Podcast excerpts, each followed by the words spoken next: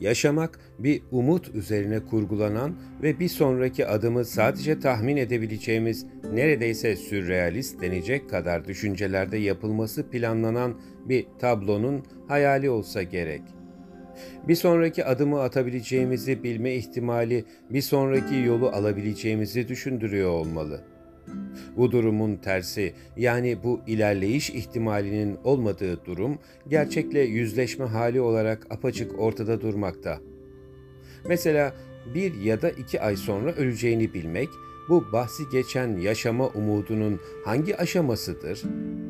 Hayatın devamını sağlayan ümit etme sürecini kontrol edebilme alışkanlığı ortadan kalkarsa, o adımlar hangi yola doğru adımlarını hizalayıp devam edebilir yaşamaya?''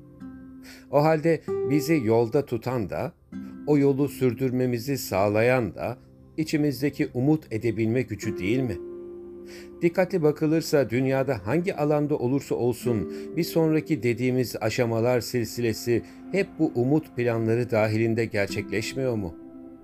Her umutsuzluk hali yaşama hissiyatımızı ve aldığımız hazzı azaltarak gerçeklerin ne kadar ağır olduğuyla yüzleştirmiyor mu bizi?''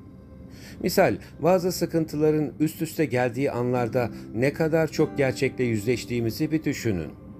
Umut kavramı elimizden alınırsa yaşayan ölüler gibi veya birbirini zehirlemek için fırsat kollayan yılanlar gibi yaşamaz mıyız?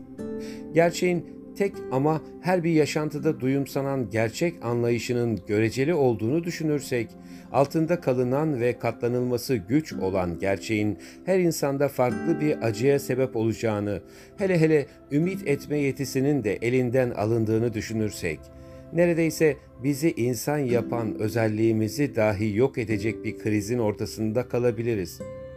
Kısaca umut güzel şeydir. Zorunlu durumlar haricinde hiç ölmeyeceğimizi, hep karşılaşılan zorlukların üstesinden geleceğimizi sağlar.'' Nazım'ın da dediği gibi seni düşünmek güzel şey, ümitli şey.